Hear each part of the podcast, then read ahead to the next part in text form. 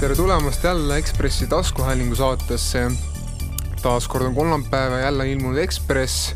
see on siis kahe tuhande, kahe tuhande seitsmeteistkümnenda aasta esimene Ekspress, kus on ka muuseas toimetususaasta soovid ja loetelu asjadest, mis meie arvates kohe kindlasti ei tohi, ei saa ega tohi juhtuda aastal kaks tuhat seitseteist. eks näis, kas, kas need ei juhtugi või siis äkki ikkagi mõni läheb täide. tundub, et Marine Le Penil on mingid šansid olemas Prantsusmaa valimistel aga kahtlemata on tänase Ekspressi magnetlooks vähemalt seniste numbrite ja teie tagasiside järgi Andrei Fostovi reportaaž tema Süüria reisist Yana Toomiga, mis tekitas sotsiaalmeedias palju vastukaja. ja Andrei on meil täna siin ka stuudios külas ja Andrei, kõigepealt küsingi sinult seda, et miks Yana Toom just sinu valis mm.? no võiks vastu küsida, miks ka mitte, aga noh, tegelikult esimene valik oli tal Krister Kivi, aga kuna Krister oli meil samal ajal Aafrikas, siis tema noh, ta lihtsalt sellest reisi ettevalmistamisprotsessis ei saanud osaleda mm. -hmm. no ja siis mina olin teine valik, lihtsalt me Dianaga tunneme küllalt kaua. veel sellest ajast, kui ta üldse poliitik ei olnud, kui ta oli veel äh, siin Tallinnas mingisuguse, mingisuguse linna ajalehe peatoimetaja.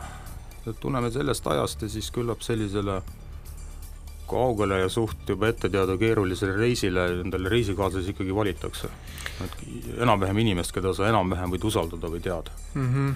samas sa tunnistad seal artikli alguses, et või reportaaži alguses, et äh, ega sa väga ei tahtnud minna? no mulle ei meeldi reisimine esiteks, mulle ei meeldi Lähis-Ida, teiseks mulle, mulle ei meeldi sattuda olukordadesse, kus mu, kus ma ilmselgelt noh, nagu ei kontrolli sündmusi et kus ma tõenäoliselt olen kellegi lükata-tõugata, noh, mis täpselt niimoodi kõik läkski, nii et äh, ega see, ega see reis mingi rõõm ei olnud, aga noh, tuli lihtsalt ära teha. no seda reklaamiti, et oi, nüüd me läheme Alepposse, aga samas äh, reportaažist ikkagi koorub välja, et see marsruut oli äh, oli Venemaa, Beirut, Damaskus ja Alepposse ei, Aleppo jäi päris kaugeks. no Venemaa jätaks praegu ära, see on äh, lihtsalt Šeremetjevusel ümberistumine ja. lennukile, mis läheb Beirutisse, aga aga jah, Beirut, Beirut, Damaskus ja, ja mingit Aleppot, noh, nagu ma selles oma tekstis ka ütlen, et ma selles algusest peale juba kahtlesin, seda enam, et äh, et, et, et juba juba noh, siin, siin aastal, aasta lõpus tegelikult vaikselt hakkasid need uudised tulema, et, et et et linna ümber ikkagi ju mingisugused, mingisugused lahingud käivad endist viisi mm. -hmm. ja kui noh, kui noh, Assaadi režiim või Assad siis äh, koos venelastega teatas kuidagi hästi võidukalt, et see Ida-Aleppo on nüüd lõplikult nagu valitsusvägede kätte haaratud, siis et, et nende, nende võidukate teadete juures puudus puudus nüüd mingisugune selline kinnitus, et, et et linna servad on ka kuidagi nagu nii-öelda kontrolli alla võetud ma-, või maha rahustatud. aga näis, et sina muretsed selle pärast rohkem kui Jana, et Jana tund-, noh, ta artiklis koorub välja, et Jana oli pigem tundnud ennast mugavamalt. tema ei kartnud eriti, võib tulla mingeid segeldusi mm.? või, või ta isi-? ei no ei, ma, ma seda täiesti möönan, et, et ta ilmselt ongi tunduvalt äh, vapram ja kohkumatum inimene kui mm -hmm no sul avanes ka harukordne võimalus, vähemalt teiste ajakirjanikul on see väga harukordne võimalus kohtuda isiklikult äh, Assadiga. Äh, kuigi sind ei tahetud alguses üldse koosolekule võtta.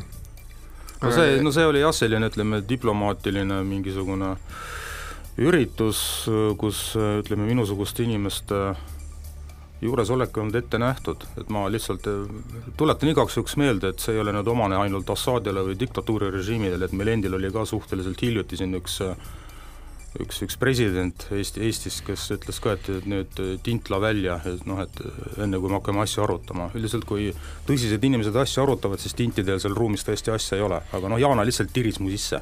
no kuna see reis oli ikkagi venelaste poolt korraldatud, siis äh, see tunnistas ka ise artiklis, et venelastel on kuidagi eriti halb suhtumine, et nii et sellesse samasse tintlasse, millest see väljendub, kas sa nägid seda suhtumises ka või kuidagi käitumises nende poolt?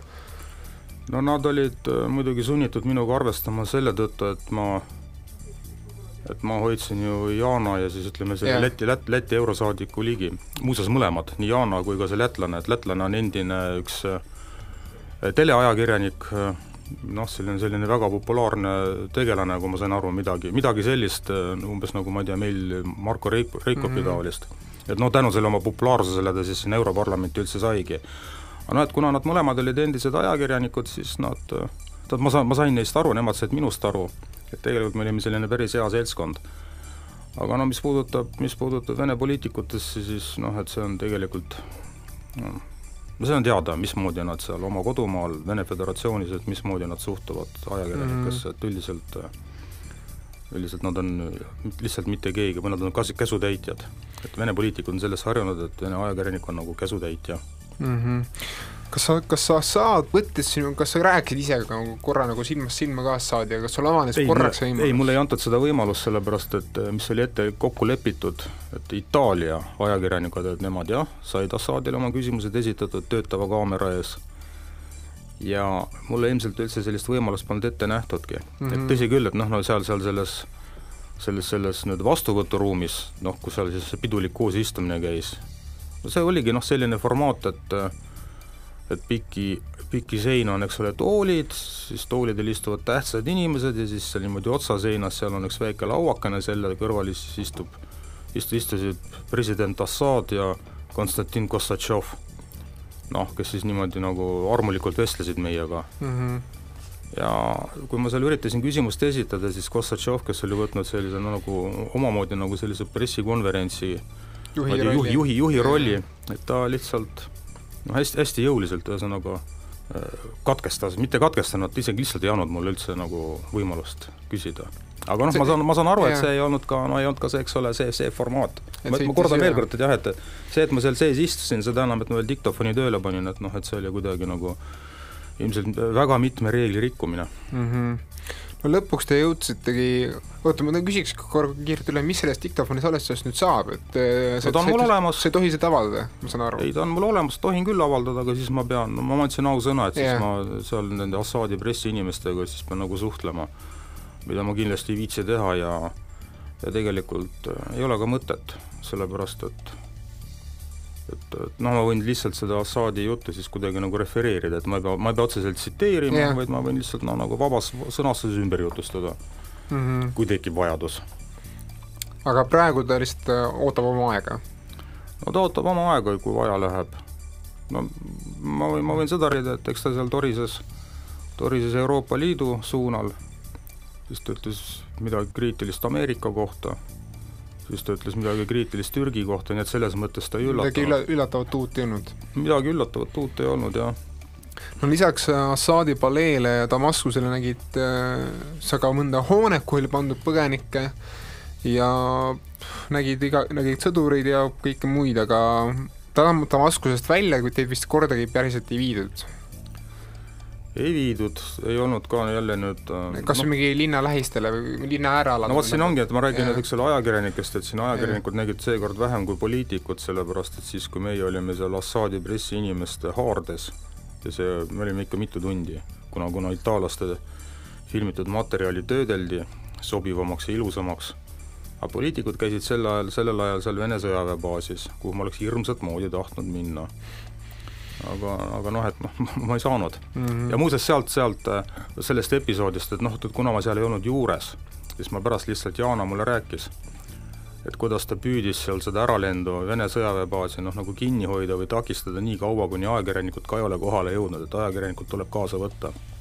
ja vot siis noh, et sealt, seal olevadki siis nagu selgelt välja tulnud, kui kui noh, venelased võtsid sellise üpriski põlgliku hoiaku mm, -hmm. et, et milleks meil, milleks meil, meile neid vaja on no see ka omamoodi suhtumine, aga mitmel korral nüüd selle artikli minu arust põhi, mitte, mitte üllatav, aga minu, minu arust kõige huvitavam sõnum oli see, et et tundus, et sul ikkagi resoneerisid Assaadi sõnumid, et tema hoiab tegelikult tagasi hullemat.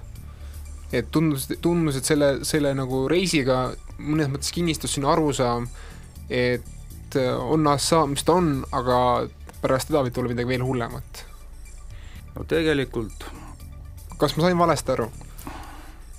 no vot, siin on, siin on nüüd tegelikult seguneb, seguneb nüüd see, et mida ma seal oma silmaga nägin, sellega, mis on minu eelteadmised ja mida ma nüüd tagantjärele olen veel lugenud, noh näiteks Süüria ajaloo kohta või siis selle käimasoleva kodusõja eellugu mm. -hmm.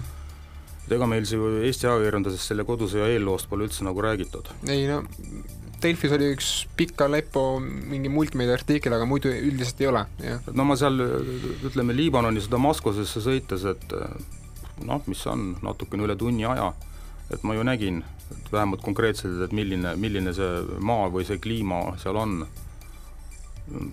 see, see, see riik, noh, natukene numbreid või statistikat, et ta on umbes selline Hispaania suurune maalahmakas, aga ainult neljandik sellest on niisugune maa, mis ka midagi kasvatab, mis on selline noh, rohelist värvi, kus, kus on põllu, põlluharimine võimalik.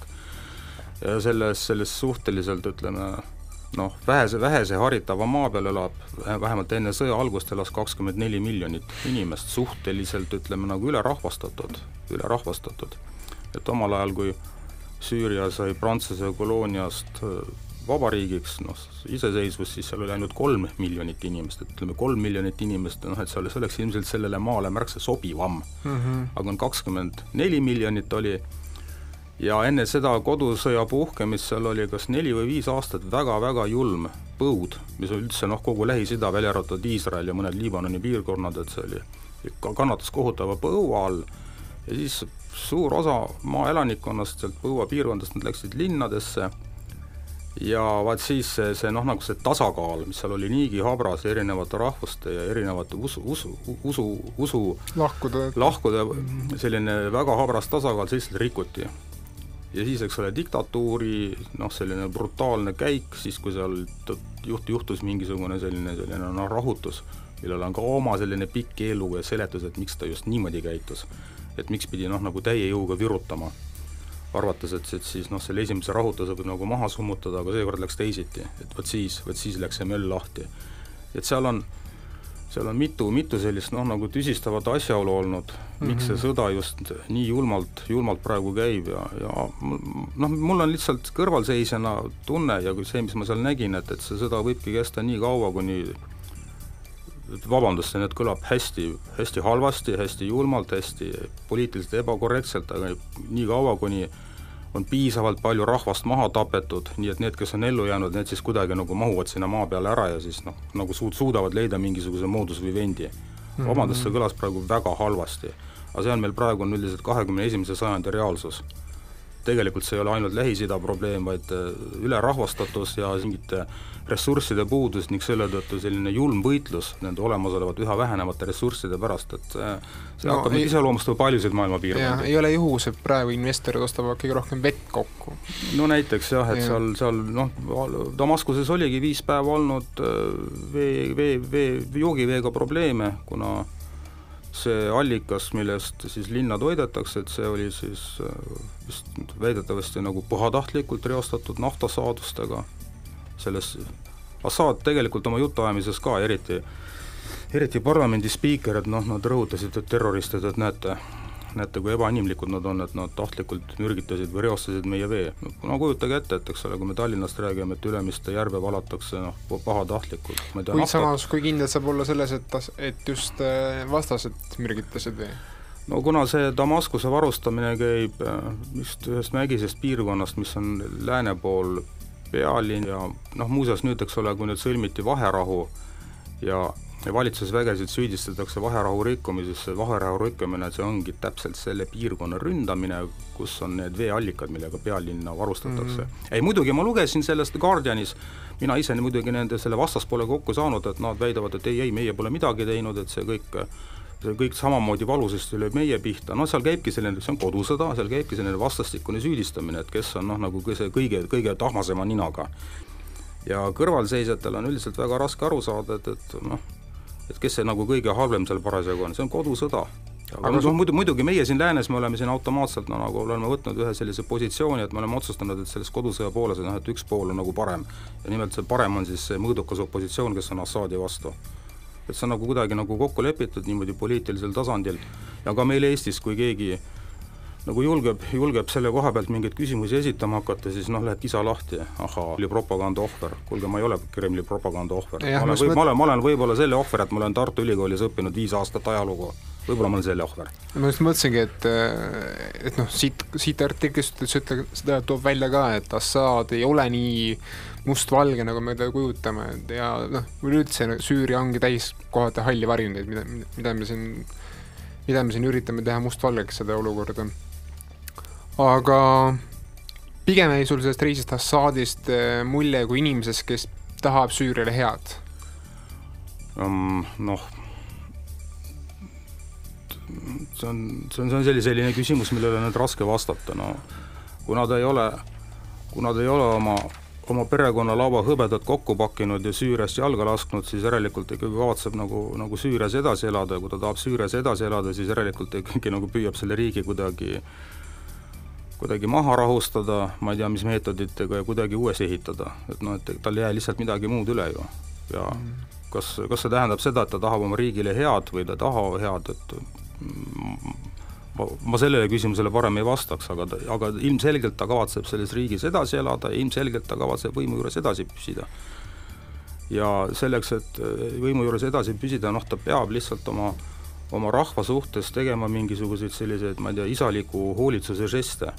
Et ma siin kirjutan ka selles artiklis, et põgenikukeskus, kus me käisime, see oli paigutatud koolimajja, ja seal koolimajas me siis ka nägime noh, kohalikku selle, see oli Damaskuse äärelinnas, kohaliku linnaosa siis mm, noh, nagu aselinnapead või kuidagi niimoodi peaks siis seda ütlema, kes siis rõhutas mitu korda, et see on valitsus ehk siis Assaadi kindel, kindel soov ja ettekirjutus, et põgenikke ei panda ajutitesse mingitesse telklaagritesse, vaid põgenikud peavad olema mingisuguses sellises noh, soliidsetes statsionaarsetes kivihoones, mingites ühiskondlikes hoonetes, neil peab olema katus pea kohal, peab olema mingi veevärk, noh ja kõik sellised asjad, et telk, mingit telkide elu ei ole. ja siis ma imestasin ka muidugi, et kuidas on see võimalik, sellepärast et et noh, siin on erinevad numbrid toodud, et nüüd Süüria siseselt, kui palju seal põgenikke on, internally displaced persons, ütleme, meie räägime hästi palju nendest, kes on põgenenud kas Euroopasse. jah, kas ja. Tür-, Tür-, Türki või, või Jordaaniasse või Liibanoni või siis eks ole, Türgi kaudu Euroopasse, et sellest räägime hästi palju, tegelikult enamus põgenikke on seal nagu Süüria, Süüria piiride sees ja neid on hirmus palju ja tegelikult keegi vist nagu ei tea, kui palju neid on. no Liibanonis ka nagu juba, juba peaaegu paaris riik, võib öelda ja,. jah, jah, just ja. nimelt, et Liibanonis on ka kohutavalt, muuseas, Liibanonis ma ka eriti näinud Beirutis, noh, ma olin valmis, et, et, et võib näha igal pool kerjavaid lapsi ja, ja noh, mingi selline kohutav, kohutav häda ja viletsus igal pool nende põgenikega, aga aga üldiselt Liibanonis ja, ja, ja Süürias elavad need ei ole mitte ainult sugulasrahvad, vaid tegelikult seal ongi noh, ka mingisugune perekondlik sugulus, nii et need, need, kes Damaskusest või Süüriast põgenesid Liibanoni, nad ei läinud nagu tundmatule maale, vaid need kõigil olid seal mingil määral nagu sugulased ees mm. -hmm. ja see on nüüd see araablaste kogukondlik või sugukondlik tunne, et et omasid hätta ei jäeta, et ühesõnaga need, kes kõik põgenesid Liibanoni, et nad leidsid seal kohalike su-, oma sugulaste juures, olid siis need kaugemad või veel kaugemad sugulased, aga no igatahes omasid nagu hätta ei jäeta ja siis nad kuidagi paigutati ära ja ja selles, selles mõttes seal nagu mingeid kohutavaid selliseid põgenikelaagreid ei ole mm. -hmm. no võtame nüüd natuke loo kokku, et äh, kui sul tuleks uuesti kutse äh, minna Süüriasse, kas sa läheksid? jaa, aga nüüd on hoopis teistel tingimustel äh,, tegelikult seal, kui me sealt lahkusime, siis Europarlamendi saadikud, nad omavahel seal väikest nõu pidasid ja järgmine katse Alepposse minna toimub ÜRO egiidi all mm. -hmm. ja ma arvan, see on ainus õige asi. tähendab äh, otse sel-, süürlastega läbirääkimisi pidada võimu suhtes, siis on kohe venelased ka kuidagimoodi selles programmis nagu haaratud ja üldiselt tegelikult Euroopa Parlamendi liikmed sellest väga huvitatud ei ole. seda ma pean ka nüüd rõhutama, mida ma artiklis ei rõhutanud, et see ei olnud, ütleme, Yana Toomi ikkagi südamesoov eh, Damaskuses venelastega kokku saada, absoluutselt ei olnud, ei olnud. Ja järgmises, järgmisel reisil noh, et kui see peaks teostuma, siis ta kindlasti püüab seda vältida ja ja püüab ajada asja kuidagi ÜRO kaudu näiteks mm. -hmm. no siis jääme ootama seda ÜRO reisi. aitäh, Andrei, tulid saatesse ja järgmine podcast on ikka kolmapäeval